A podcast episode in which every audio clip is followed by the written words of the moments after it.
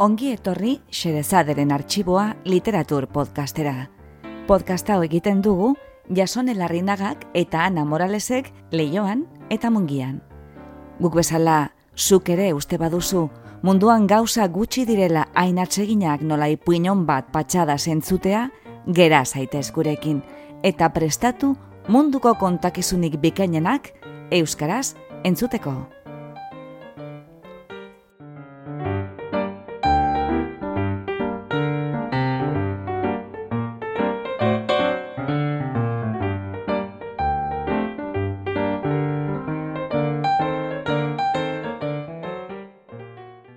Gaur, xerezaderen arxiboan, neure buruaren aurkezpena, eta zergatik dira estatu batuarrak eren zugen beldur.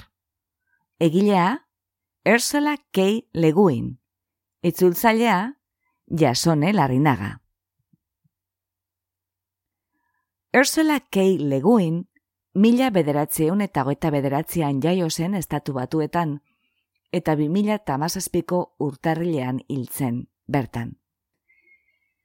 Ez talen aldia idazle hau xiretzaderen artxibora konbidatzen dugula. Aurretik, legezkan pokoa ipuina irakurri genuen, gaur, bi pieza dakartzagu, oraingoan ez fikziozkoak, orduko hartan bezala, jasone larrinagak euskeratuak. Aurreko hartan esan genuen moduan, Ursula K. Leguin, hogei mendeko idazlerik handienetako bata. Bereziki, zientzia fikzioa eta fantasia landu zituen, eta Salman Rushdie, Neil Gaiman eta China Mieville bezalakoen maistra aitortua da besteak beste. Umentzako naiz helduentzako literatura landu zuen, eta poesia eta entzailua ere idatzi bazuen ere, batez ere, ipuinak eta novelak idatzi zituen kontaezinezko sariak irabazi zituen. Besteak beste, zientzia fikzioaren arloko ugo eta nebula sari prestigiotzuak, eta gainera behin baino gehiagotan. Hogeita mar liburen guruko obra zabala utzi digu, eta haren liburen artean ezagunenetakoak dira The Left Hand of Darkness, gutxi gora bera iluntasunaren eskerreskua, dituko litzatekena euskeraz, eta The Dispossessed novelak Azken hau, laster izango omen dugu euskaraz, destxabetuak izenarekin. Leguinen obran nabarmenak dira antropologiari, soziologiari eta identitateari buruzko kezkak. Autora perak esan zuenez, edo zer konta daiteke etorkezunari buruz, bertakoa den inor zuk diosuna kolokan jartzera etorri barik, Etorkizuna, laborategi seguru eta esterilizatua da ideiekin esperimentatzeko. Errealitatea pentsatzeko tresna bat da. Metodo bat. Haren lanean, ideia anarkistak eta ekologistak antzeman daitezke, eta interes berezia dago arraza eta genero estereotipoen azterketan eta dezeira ikuntzan. Haren pertsonaia protagonista gehienak ez dira zuriak, eta planeta desberdinetako kulturen topaketak proposatuz, gizarteen eta kulturen ezaugarri aldakorrak aztertzen ditu, eta hoiek gizabanakoaren gan daukaten eragina. Era berean, haren lanetan generoen rol normatiboak hausten dira, eta The Left Hand of Darkness novelan, adibidez, androgino ziklikoak diren gizaki batzuk aurkezten dizkigu. Bere webgunean, leguinek, bere mireslei esaten zien, asko estimatzen ziela berari gutunak idaztea, baina tamalez ezin izango ziela banan-banan erantzun. Baina salbuespen bat egiten zuen. Amar urte izan ezkero, altzuen guztia egingo zuen, zuri bueltan idazteko. Arbuen Curry zinemagileak, amar urte manditu materiala filmatzen eta biltzen, leguin buruzko dokumental bat egiteko. Azken ukituak ematen nahi dabil oraintxe eta uste izatekoa da 2018ko urtarril inguruan preste egongo dela azkenean. Gaurkoan xereza den, leguin handiaren bi testu esfikziozko dakartzagu. Lehenengoak izena du nire buruaren aurkezpena, eta mila bederatzion eta larogeta mabikoa da. Lehenengo esaldi harrigarreak ematen digu gaiaren giltza. Gizona naiz, diosku. Izan ere, mendetan eta mendetan zehar, gizonezkoa eta pertsona, hau da, subjektu unibertsala, identifikatu izan dira kulturan. Leguinek identifikazio horren ondorio estetikoak, portaeraskoak eta moralak aletzen ditu ironia handiz. Testu hau, haintzane moguruzak irakurri zuen ozen guretzat, xerezaderen artxiboaren zuzeneko emanaldian 2008an, Bilboko Ika Ateneoan. Bigarren testua, mila beratzeun eta irurogeta malauko itzaldi bata eta izena du, zergatik tira estatu batuarrak eren zugeen beldur. Testua, irudimenaren defentsa sutsua da.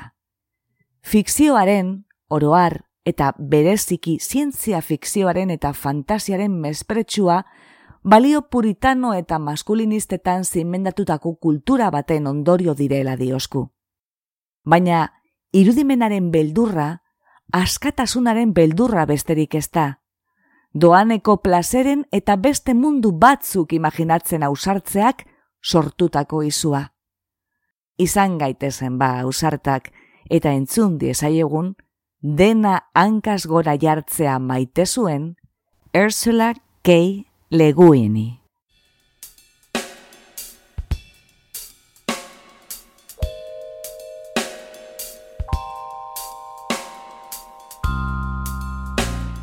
nire buruaren aurkezpena.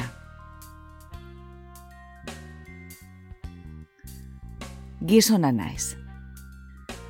Eta pentsa dezakezue generoaren inguruko akatz inusente bat egin dudala. Edo agian zuek engainatzeko aleginetan nabilela, nire izena A letra amaitzen delako, eta hiru bularretako dauzkadalako, eta bost aldiz egon naizelako aurdun. Eta ikusi dituzuen horrelako beste gauza batzuengatik. Xetasun txikiak. Baina xetasunek ez daukat erdurarik. Politikoen gandik zeo hasi behar badugu, hori da xetasunek ez daukatela ardurarik. Gizona naiz. Eta zuek hori gertakari modura sinestea eta onartzea nahi dut nik urte askoan egin dudan bezala. Badakizue, mediarren eta pertsiarren gerren sasoian, azten ari nintzenean, eta eun urten gerraren ostetxoan, unibertsitatera joan nintzenean, eta nire umeak koreako gerran, gerra hotzean eta vietnango gerran hasi nituenean, ez zegoen emakumezkorik. Emakumezkoak oraintzuko asmakizuna dira. Emakumeak asmatu baino hamarkada batzuk lehenagokoa naiz ni. Tera, zorrostasun pedantean tematzen basarete, Andreskoak zenbait aldiz eta leku ugaritan asmatu izan dira, baina asmatzaileek etzekiten produktua zelan saldu. Banaketarako teknika landugabeak zeuskaten, eta merkatuaren azterketa utxaren urrengoa zen, eta noski, kontzeptua etzen garatu. Atzean genio bat izan da ere, asmakizun batek bere merkatua aurkitu behar du, eta badirudi Andraskoen ideia etzela luzaroan maila onargarrira iritsi. Eredu batzuk, Osten eta Bronti esaterako, komplikatu egiak ziren. Eta jendeak barre baino ez zien egiten sufragistei, eta Wolfek aurre handiegia hartu zion bere garaiari. Hortaz, ni jaio nintzenean, gizonak besterik ez zegoen. Pertsonak gizonezkoak ziren. Denek zeukaten izen bakarra, gizona. Eta hori izena ez ni? gizona naiz, adibidez, esalde hauetan. Gizonak eun urte bizi behar ditu apirile bat ikusteko. Edo, idia adarretatik galtzen da, eskribaua lumatik. Neu nahi hori? Eskribaua, idazlea, gizona. Gizona naiz. Ez agian lehen mailako gizona. Gogo honez onartzen dut, bigarren mailako edo imitaziozko gizona izan daitekela, gizon delako bat. Gizon modura ni benetako gizona banaiz, orduan mikroinlabean berotutako arrain makiltxo bat, parrilan egindako Ozeano Pasifikoko isokin oso bata. Esan nahi dut. Azken batean, nik intzeminatu dezaket? Gizonezkoen bohemian klabekoa izan daiteke? General Motorseko presidentea izan daiteke? Teorian bai, baina badakizuen nora eramaten gaituen teoriak. Ez General Motorseko gailurrera. Eta Radcliffe fakultateko emakume bat, Harvard Unibertsitateko errektore den egunean, etorri ni esnatzera eta bisatzera, mesedez. Eta gainera, ezin du nire izena txixarekin elurretan idatzi. Ezin ditut emaztea eta umeak eta auzokoak eta gero neure burua tirokatu. Hene, egia esateko, gidatu ere ezin dut egin. Inoiz dut baimena lortu. Atzera egin nuen. Beldurtuta. Autobus hartzen dut. Ikaragarria da. Onartzen dut. Imitaziozko edo ordezko gizon oso txarra naiz. Eta horretaz konturatuko zara, Bananas Republic Companyko katalogoetako armadako arropa soberakinak jasten ditudanean. Modakoak tira, eta muniziorako poltzikoak dauzkate, eta burko azala soinan daukan oloa dirudit. Okerreko gorpuzkera daukat, Jendeak argala izan behar luke, ezta? Ezin zara argalegia izan. Mundu guztiak esaten du hori. Batez ere, andorexia dunek. Jendeak argala izan behar luke. Eta aragi sendokoa. Gizonezkoak horrelakoak izan hori direlako. Argalak eta aragi sendokoak. Edo, edo zelan ere gizon asko horrela hasten dira. Eta batzuk horrela izaten jarraitzen dute. Eta gizonak, pertsonak dira, pertsonak, gizonak dira, eta hori ondo ezarrita dago. Eta pertsonak, benetako pertsonak, pertsonen mota egokia, argalak dira. Baina ni oso txarra naiz pertsona izaten. Enaizelako batera argala, baizik eta nahiko potoloa leku lau batzuekin. Ez daukatara gizendorik. Gero, jendeak gogorra izan behar luke. Gogorra, ona da. Baina ni, ina izinoiz gogorra izan? Naiko biguna naiz. Egia esan, naiko xamurra. Xerra hon baten modukoa. Edo, Pasifikoko izokinaren modukoa, hori espaita ez argala ez gogorra, baizik eta oso goxoa eta xamurra. Baina izokinak ez dira pertsonak, edo ez direla esan digute, oraintzu. Esan digute, pertsona mota bakarra dagoela, eta horiek gizonezkoak direla. Eta uste dut, oso garrantzitsua dela denok hori sinestea. Zalantza barik, garrantzitsua da gizonezko entzat. Uste dut, nik ez daukadala gizonaren itxurarik, beste barik. Ernest Hemingway gizonaren itxura zeukan moduan esan nahi dut. Bizarra eta errifleak eta emasteak eta esaldi laburrak ni alegintzen naiz.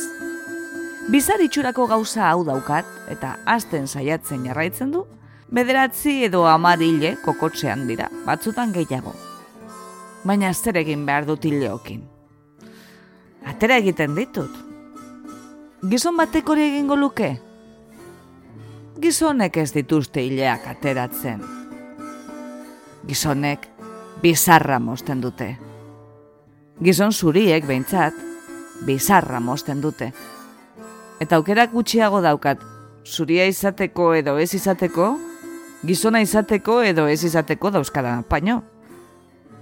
Zuria naiz, zuria izatea gustatu ala ez. Baina legin guztia egiten dut ez izateko, uste dut, eguera kontuan hartuta, espaitut bizarrik mosten. Ileak ateratzen ditut. Baina horrek ez du ezer esan nahi, espaitaukat ezer esan nahi duen benetako bizarrik. Eta ez daukat erriflerik, eta emazte bat ere ez daukat, eta nire esaldiek lusatzeko eta lusatzeko eta lusatzeko joera daukate. Erdian menpeko perpaus hauek guztiok dauzkatelarik. Ernest Hemingway hile egingo zateken menpeko perpausak euki baino lehen. Edo punto eta komak. Ni punto eta koma ergel pila bat erabiltzen dut. Horen txera dut bat. Punto eta koma bat zegoen duten ostean, eta beste bat baten ostean.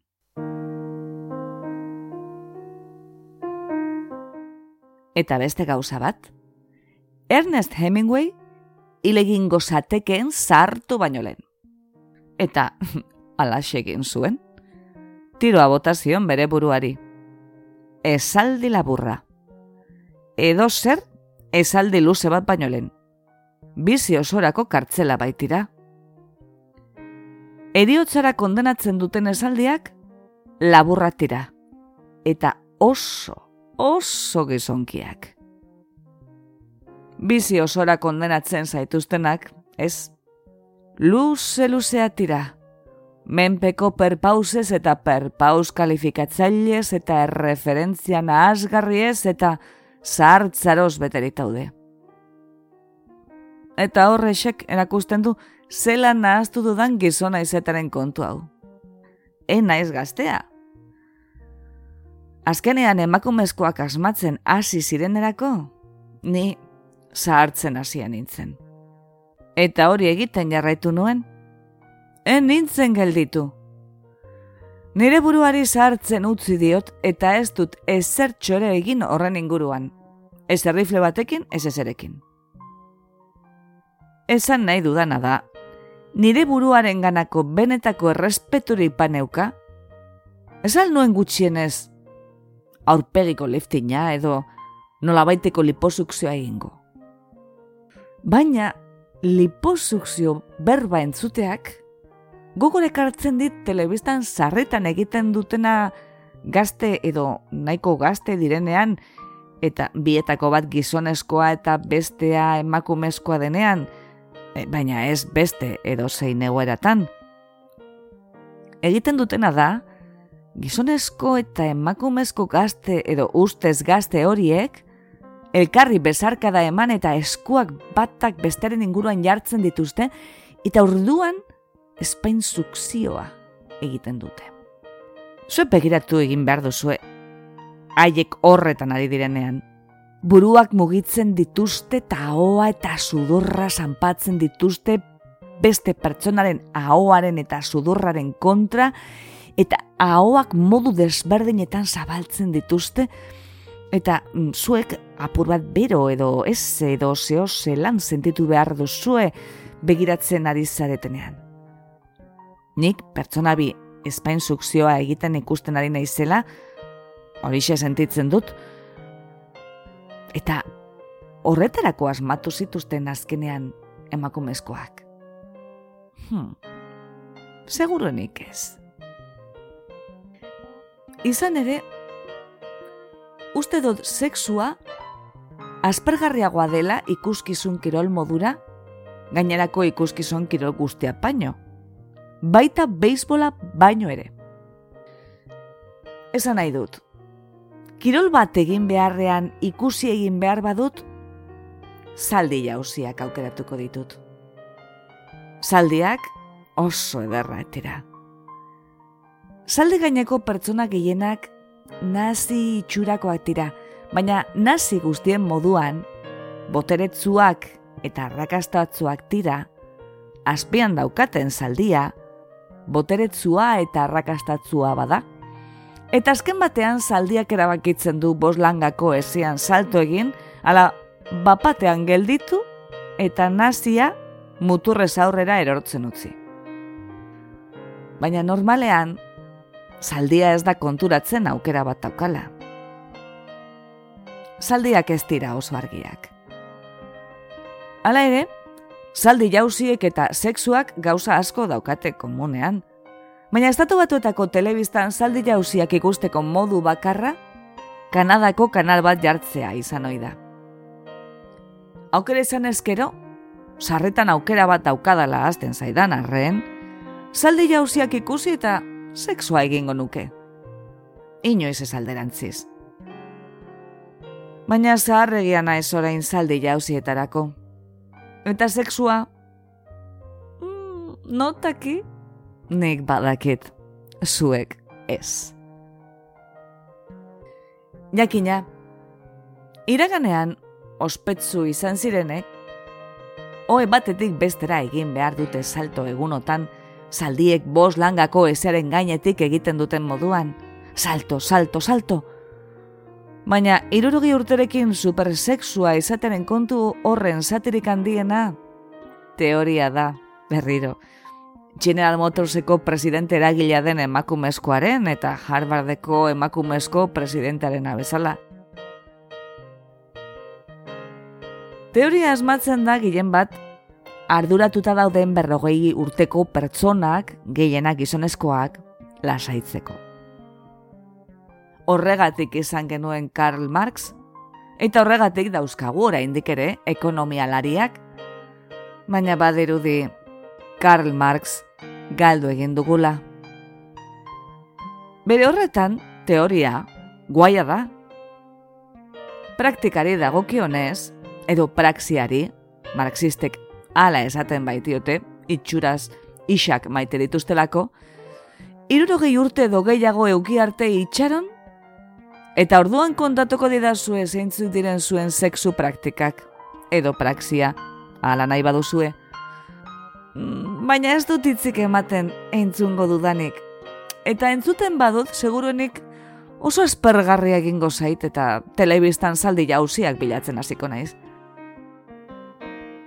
Edo zelan ere, niri ez didazu entzungo ezer nire sexu praktikei edo praxiari buruz. Ez orain, ez gero. Hori guztia alde batera utzita, hemen dago, zahar, irurogei urterekin, irurogei urteko gizon publikoa irribarrez, jitz poetak esan zuen moduan, baina bera gizona zen. Eta nire errua da. Emakumezkoak asmatu baino lehen jaio nintzen, Eta marka da huetan bizi eta bizi egin naiz eta hain alegin handia egin dut gizonezko on bat izateko, Aztu egin zaidala gazte irautea? Eta ez dut egin? Eta nire saldien aldiak nahaztu egin dira. Gaztean naiz eta bapatean irurogei urten euskan.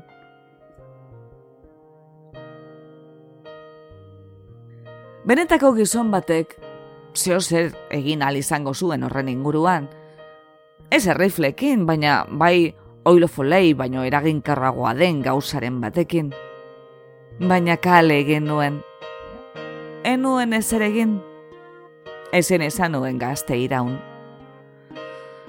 Eta nire alegin nekagarri guztiei begiratzen diet, zeren benetan ahalegindu nintzen, gogor alegindu nintzen gizona izaten, gizon ona izaten, eta kale egin nuela ikusten dut. Kasurik onenean, gizon txar bat naiz. Imitaziozko gizon faltzua eta bigarren mailakoa, amar hileko bizarrarekin eta puntu eta komekin. Eta nire buruari galdetzen diot, zertarako balio izan duen. Batzuetan pentsatzen dut, hobe dela amore matea. Batzuetan pentsatzen dut, Hobe dela neure aukera erabiltzea. Bos langako ezearen aurrean bapatean geratzea eta nazia muturrez aurrera erortzen ustea. Espana izonak izonarena egiten eta gaztearena egiten, hobe da emakume zar bat izateren plantak egitea. Ez dakit seguru norbaitek emakume zaharrak asmatu ote dituen oraindik, baina baliteke saiatzeak merezi izatea.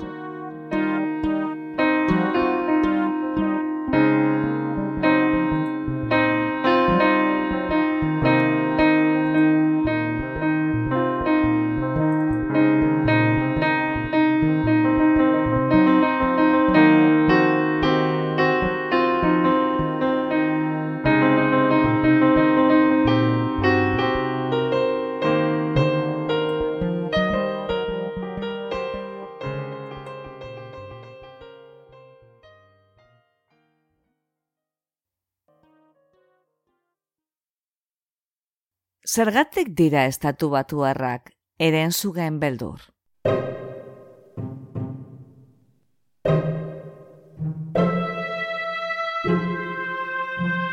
Hau fantasiari buruzko hitzaldia izatekoa zen. Baina aspaldi honen naiz oso irudimentzu sentitu, eta ezin izan dut erabaki zer esan, eta ingurukoen iritzia eskatu dut ideiak lortzeko. Aizu, zer gertatzen da fantasiarekin? Ez da zuzeo zer fantasiari buruz. Eta lagun batek esan zidan. Ondo, gauza fantastiko bat esango dizu. Duela amar urte, hiri bateko liburutegiko umeen atalera joan nintzen, eta hobita eskatu nuen. Eta liburu zainak esan zidan. Ba hori helduen bilduman baino ez daukagu. Gure ustez, iesbideko literatura ez da hona umeentzat. Lagunak eta biok barre asko egin genuen. Eta otzikara bat sentitu genuen. Eta pentsatu genuen gauzak asko aldatu direla azken amar urteotan. Fantasiako lanen zentzura moralizatzaile hori oso ezoikoa da orain umeen liburutegietan. Baina umeen liburutegiak basamortuko oasi bihurtu izanak, ez du esan nahi basamortua existitzen estenik. Liburu zain ark hitz egiteko erabili zuen ikuspuntua, oraindik existitzen da. Fede honean, Amerikako estatu batuetako nortasunaren sakon-sakonean dagoena islatu besterik etzuen egin. Fantasiaren gaitzespen morala, hain gaitzespen bizia, eta sarritan hain erasokorra, non nagusiki beldurretik sortu dela ikusten baitut, nahi gabe ere. Beraz, zergatik tira estatu batuarrak eren zugeen beldur.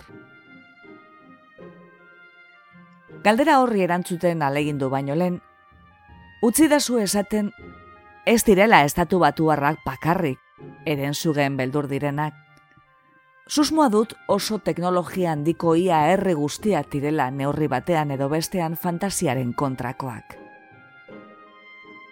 Literatura nazional batzuek, gureari gertatu zaion moduan, ez dute euki tradiziorik helduen fantasian azken eunka urteetan.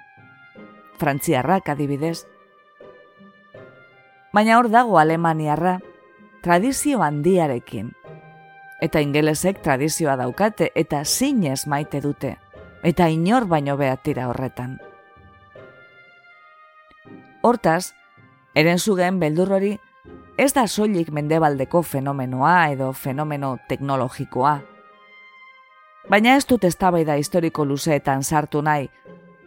Estatu batuar modernoei buruz arituko naiz, berbaiteko aina ezagutzen dudan herri bakarra baita. Estatu batuarrak zergatik diren erenzugen beldur galdetzean, konturatu nintzen, estatu batuar asko, fantasiaren kontrakoak ez ezik, fikzioaren kontrakoak ere badirela. Herri garen einean, irudimenaren lan guztiak, susmagarritzat edo baztergarritzat jotzeko joera daukagu. Nire mazteak eleberriak erakurtzen ditu, nik ez daukatastirik. Zientzia fikziozko liburuak erakurtzen dituen gaztetxoan intzenian, baina orain ez noski. Maetagarrien historioak umeentzatira. Ni benetako munduan bezi naiz. Nok esaten ditu horrelakoak? Nok mespretsatzen ditu gerra eta bakea, denboraren makina, eta udagau bateko ametsa, segurtasun perfektu horrekin. Beldur naiz, kaleko gizona dela, hogeita mar urtetik gorako estatu batuar gizonezko langilea. Herrialde hau gobernatzen duten gizonezkoak. Fikzioaren arte osoa horrela arboiatzea, Amerikako estatu batuetako ezaugarri batzuekin dago lotuta. Ezaugarri hoietira, gure puritanismoa, gure lanaren etika, irabazietan daukagun interesa, eta gure ohitura sexualak. Gerra eta bakea edo erastunen jauna irakurtzea ez da lana kakotxartean. Plazeragatik egiten duzu. Eta ezin bada kakotxartean eskuntzarako edo kakotxartean norbere eskuntzarako dela justifikatu, orduan balioen sistema puritanoan gehiagikeria edo iespidea baino ezin da izan. Zeren plazera, ez baita balio bat puritanoentzat. Alderantziz, bekatua da.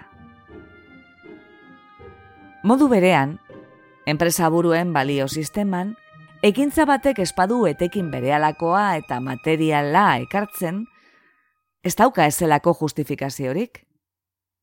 Beraz, Tolstoi edo Tolkien irakurtzeko aitzakia daukan bakarra, literaturako irakaslea da, horretarako ordaintzen baitiote. Baina baliteke gure enpresa buruak best seller bat irakurtzeko baimena ematea bere buruari lantzean behin. Ez liburu ona delako, baizik eta best sellerra delako. Hau da, arrakastatzua da, dirua eman du. Diru trukatzailearen buru mistikoaren zat, horrek justifikatzen du liburuaren existentzia. Eta liburu hori irakurtzean bere arrakastaren boterean eta manan, ardezake parte, apur bat. Hori espada magia, bide batez, ez dakit nik zer den. Azken elementua, elementu sexuala, komplexuagoa da. Espero dut nire hitzak ez direla sexistatzat joko, esaten badut, gure kulturaren barruan, fikzioaren kontrako jarrera hori gizonezkoena dela oinarrian. Amerikako estatu batuetako mutilak eta gizonak behartuta egon ohi dira bere maskulinitatea definitzera ezaugarri batzuk eta gizakeren zenbait talentu eta ahalmen mespretsatuz. Gure kulturak emakumezkoen edo aurren ezaugarritzat jotzen dituenak.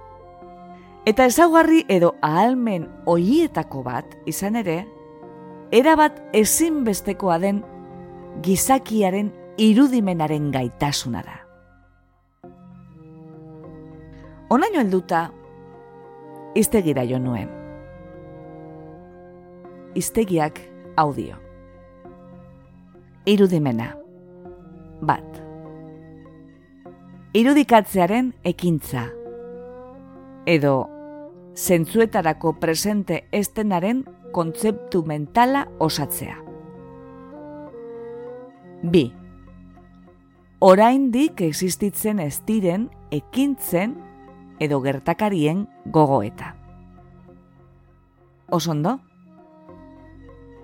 Erabat ezinbestekoa den gizakiaren gaitasuna, albo batera utz dezaket, baina definizioa murriztu behar dut, hemengo gaiari egokitzeko. Irudimena hitzarekin, beraz, nik gogoaren ariketa askea esan nahi dut. Arlo intelektualean eta sentzorialean. Ariketa hitzarekin berreraikitzea esan nahi dut. Berriro eraikitzea. Ezaguna dena erabilita gauza berri bat sortzea. Aske hitzarekin esan nahi dut, ekintza hori berehalako irabazi asmorik kabe eta modu espontaneoan egiten dela. Hala ere, horrek ez du esan nahi ezin daitekenik egon helbururen bat goguaren ariketa askearen atzean, xede bat, eta xedea gauza serioa izan daiteke noski. Umen irudimenaren ariketa, helduaroaren ekintzen eta emozioen praktika da. Jolasean ibili esten umea, ez da helduko. Gogo heldu baten ariketa askeari dagokionez, bere emaitza, gerra eta bakea, edo erlatibitatearen teoria izan daiteke.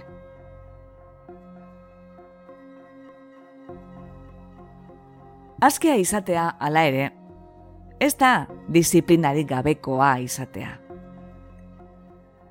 Esango nuke, irudimenaren disiplina, artearen eta zientziaren oinarrizko metodoa edo teknika izan daitekeela azken batean. Gure puritanismoa da, gaia nahazten duena, disiplinak errepresioa edo zigorra esan nahi duela behin eta berriro errepikatuz. Gauza bat disiplinatzea, berbaren zentzu egokian, ez da erreprimitzea, espadase, trebatzea, astera animatzea, eta jardutea, eta emankorra izatea. Mertxikondoa, naiz giza adimena izan.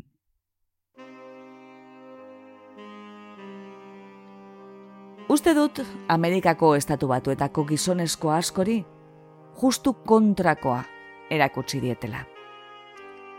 Euren irudimena zapaltzen ikasi dute, umeen eta maritxuen gauza bat balitz bezala, eta errentagarria ez den eta seguruenik bekatuzkoa den gauza bat balitz bezala, baztertzen ikasi dute.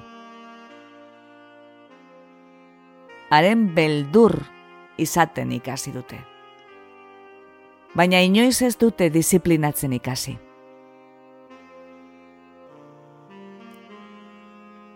Tira, ez dut uste irudimena ezabatu daitekenik. Ume baten guztiz dezagarraraziko bazenu, alberginia bat bihurtuko litzateke. Gure joera maltzur guztie pesala, irudimena, ez gabetu egingo da. Baina baztertu eta gaitzetsi egiten bada, belar txarren itxura ezigabeak hartuko ditu desitxuratua izango da.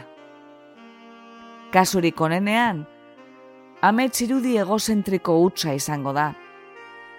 Kasurik txarrenean, itxaropen ustela izango da.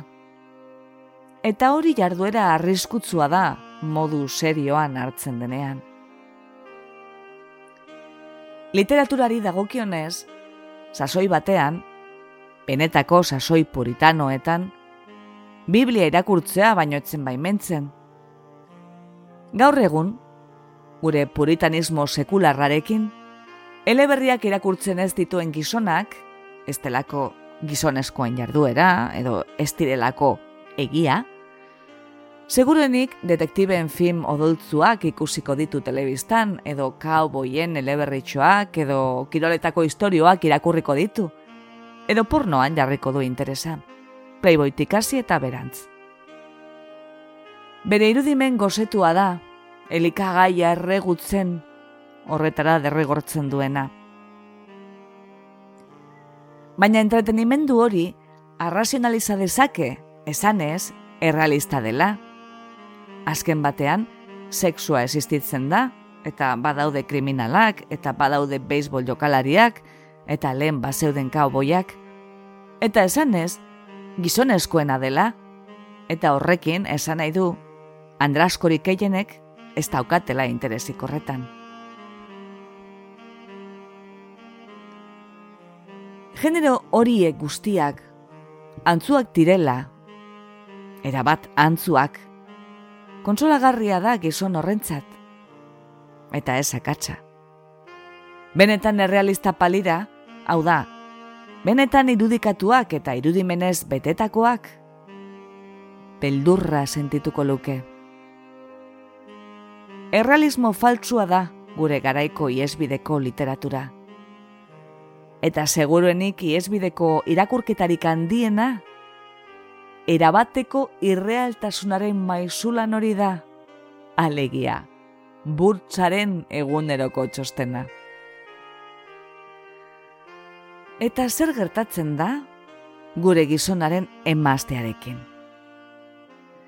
Seguru asko ez diote eskatu bere irudimen pribatua eserestea, bizitzan beragandik espero den zeregina egiteko, baina ari ere ez diote erakutsi irudimena disiplinatzen.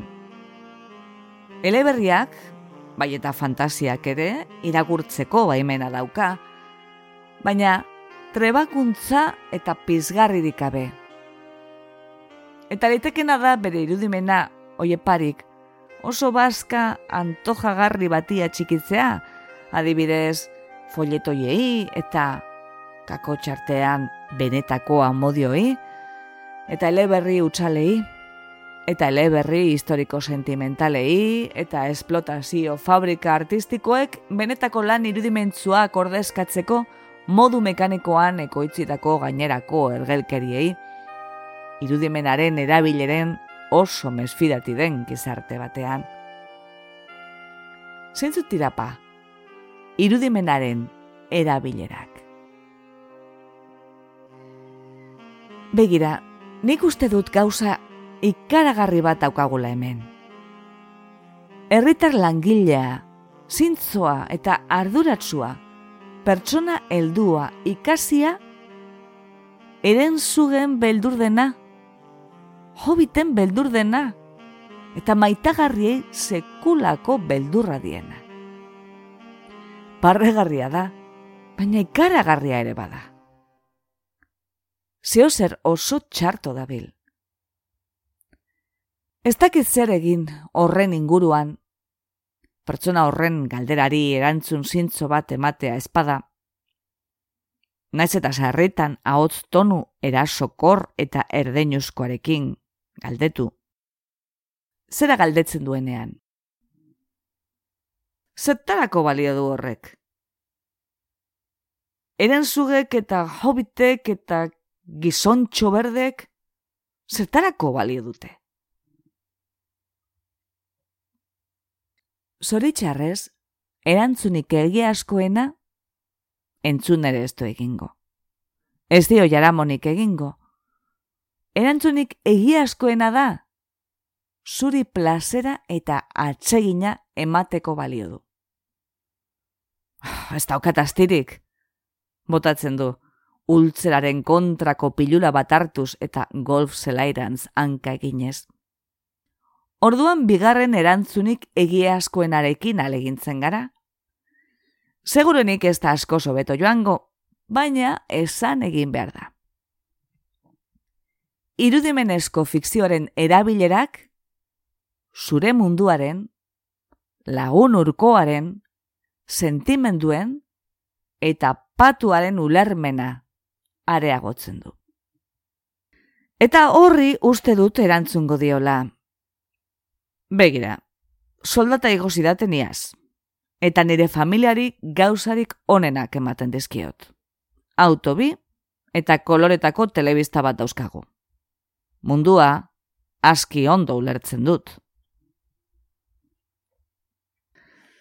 Eta arrazoi du, ukaezina da, hori bada berak nahi duena, eta hori bada nahi duen guztia.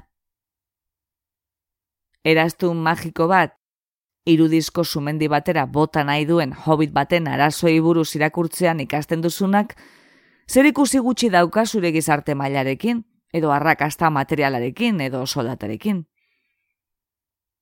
Izan ere, zer ikusirik izatekotan, negatiboa da. Alderantzizko koerlazioa dago fantasia eta diruaren artean. Hori lege bat da. Eta ekonomialariek leguin legea esaten diote.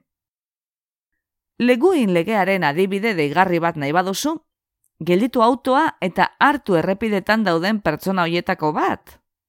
Motxila bat, gitarra bat, ada atzeder bat, irribarre bat eta orkoro bat besterik ez daukaten horietako bat. Behin eta berriro ikusiko duzu aterperi gabeko horiek edaztunen jauna erakurri dutela. Batzuek, errezitatu egin dezakete kasik. Eta orain, hartu Aristoteles onaziz edo J. Paul Getty. Sinetziko zenuke gizon horiek, harremanik izan dutenik inoiz, edozein adinetan, edozein egoeratan, hobbit batekin.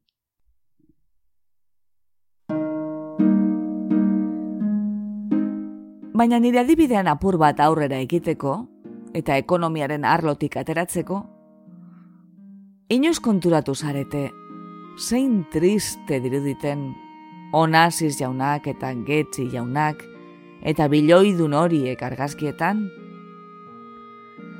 Itxura arraro, gutxiendua daukate, goze izango balira bezala. Zerbaiten goze balira bezala. Gauzaren bat galdu izan balute eta non egon daiteken pentsatzen arituko balira bezala. Edo agian zer izan daiteken, zer galdu duten, pentsatzen arituko balira bezala. Umezaroa izan daiteke? Hortaz, irudimenaren erabileren nire defensa personalera iritsi naiz. Batez ere, fikzioan eta bereziki maitagarrien ipuinetan, eleza harretan, fantasian, zientzia fikzioan eta sektore erradikaleko gainerakoan. Uste dut, heldutasuna ez dela adinarekin galtzea, espadase, garatzea. Heldu bat, ez dela hildako ume bat, espadase, bizira unduen ume bat. Uste dut gizaki heldu baten gaitasun onenak umeengan existitzen direla. Eta gaitasun horiek gaztetan sustatzen badira, egoki eta zuhur jardungo dutela heldutan. Baina umetan zapaltzen eta ezabatzen badira, nortasun heldua eragotzi eta erabilezin bihurtuko dutela. Eta azkenik, uste dut, gaitasun horietako gizatiar eta bios berenetako bat, irudimenaren indarra dela. Beraz, gure bete behar atsegina da, liburu zain, irakasle edo guraso, idazle edo beste barik pertsona heldu garelarik, irudimenaren gaitasun hori gure umeen gan sustatzea, modu askean garatzen sustatzea, ereinotzaren osto berdearen moduan hasten sustatzea, xurgatu dezakeen elikagairik onena, dagoen onena eta garbiena emanez. Eta inoiz ez, edo zer gertatzen dela ere, gaitasun hori ezerestea, gaitzestea, umekeria, gizonezkoentzako desegokia edo gezurra dela iradokitzea. zeren fantasia egia da. Ez da objektiboa, baina egia da. Umeek badakite. Helduek ere badakite. Eta horrexegatik heldu asko fantasiaren beldur dira. Badakite fantasiaren benetakotasunak mehatxatzen eta desafiatzen duela, beren gain inposatzen utzi duten Bizitzan faltzua, itxuraskoa, premiagabekoa eta utzala den guztia. Eren zugeen beldur dira. Askatasunaren beldur direlako. Horregatik uste dut, konfiantza izan behar dugu lagure umeengan. Ume normalek ez dituzte realitatea eta fantasia nahazten. Guk helduok baino askoz gutxiagotan nahazten dituzte. Fantasia gile handi batek, emperadorearen jantzi berria izeneko historio batean azaldu zuen moduan. Umeek oso ondo dakite adar bakarrak ez direla benetakoak, baina badakite adar bakarrei buruzko liburuak, liburu onak badira, benetako liburuak direla. Sarri egitan, amak eta aitak takitena baino gehiago da hori. Zeren, beren umezaroari uko eginez, helduek beren ezagutzaren erdiari egiten diote uko. Eta egitate txiki, triste eta antzuarekin geratzen dira adar bakarrak ez dira benetakoak. Eta egitate horrek, ez du inoiz, inor, inora eraman. Beste fantasia gile handi baten historioan izan ezik, adar bakarra lorategian izeneko ipuinean, non erakusten baita, adar bakarren irrealtasunari leialtasuna izateak, zoroetxera eraman zaitzakela.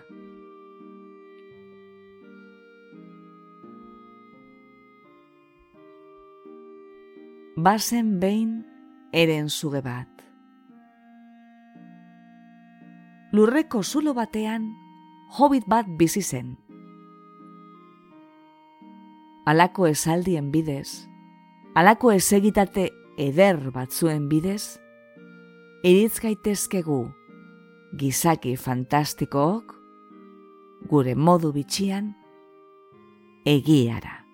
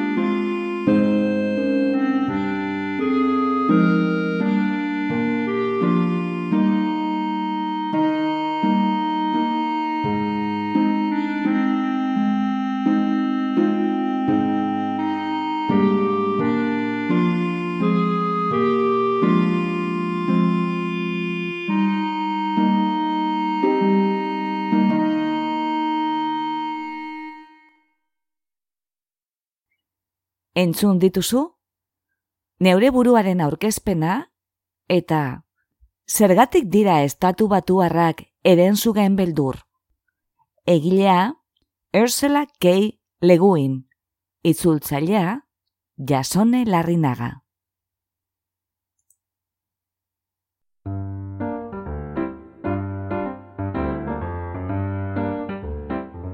Xerezaderen artxiboko atal bat entzun duzu. Gure doinua da Charleston Behind the Attic Door, Dance of the Wind taldearena. Bizitatu gure bloga, gure audioak deskargatzeko edo online entzuteko. Iru xerezade.org Xerezade, isaz idazten da, gogoratu. Eta ezaztu iruzkinak ustea. Podcast hau egiten dugu jasone larrinagak eta Ana Moralesek leioan eta mungian. Xerezaderen artxiboko atal guztiak emititzen dira bilboiria irratian eta arrosa zarean. Mila esker gurera hurbiltzeagatik, gustora egon bazara, erdu urrengo batean ostera ere, xerezaderen artxibora. Laster arte!